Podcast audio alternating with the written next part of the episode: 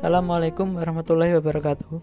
Perkenalkan teman-teman, nama saya Toto Aris Sosongko dari Prodi Manajemen 2017 Universitas Brawijaya. Di sini saya akan sedikit membagikan informasi atau ilmu yang mungkin ke depannya berguna bagi kita semua. Dan sedikit informasi saja, ini merupakan podcast pertama saya. Jadi saya mohon maaf apabila kurang berkenan saat teman-teman mendengarkan podcast ini. Ya langsung saja, di sini saya akan membahas hal yang bertemakan training and development, yaitu dengan topik tentang bagaimana merancang program pelatihan supaya optimal, tepat sasaran, dan juga efektif. Yang pertama, lakukan analisis terhadap semua cara menyusun rencana program pelatihan. Jadi, dari semua cara atau metode pada saat kita menyusun rencana program pelatihan, perlu dilakukan analisis secara menyeluruh supaya berjalan optimal. Yang kedua, menentukan semua hal yang diperlukan dalam pelatihan.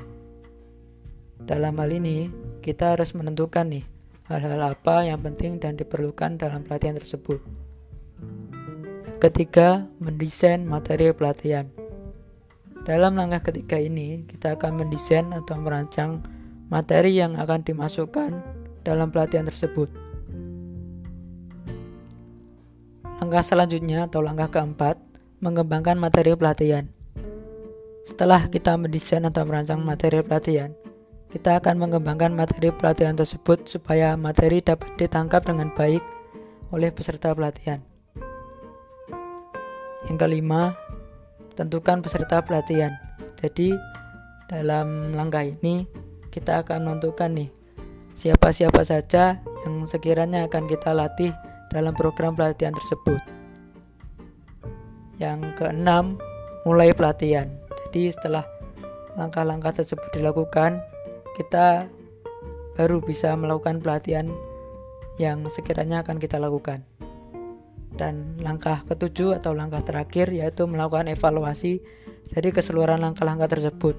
Jadi setelah pelatihan kita akan melakukan evaluasi sekiranya apa yang kurang dalam pelatihan tersebut akan kita perbaiki di pelatihan-pelatihan berikutnya. Sekian podcast saya kali ini. Apabila ada kesalahan, mohon maaf. Sampai jumpa di podcast saya berikutnya.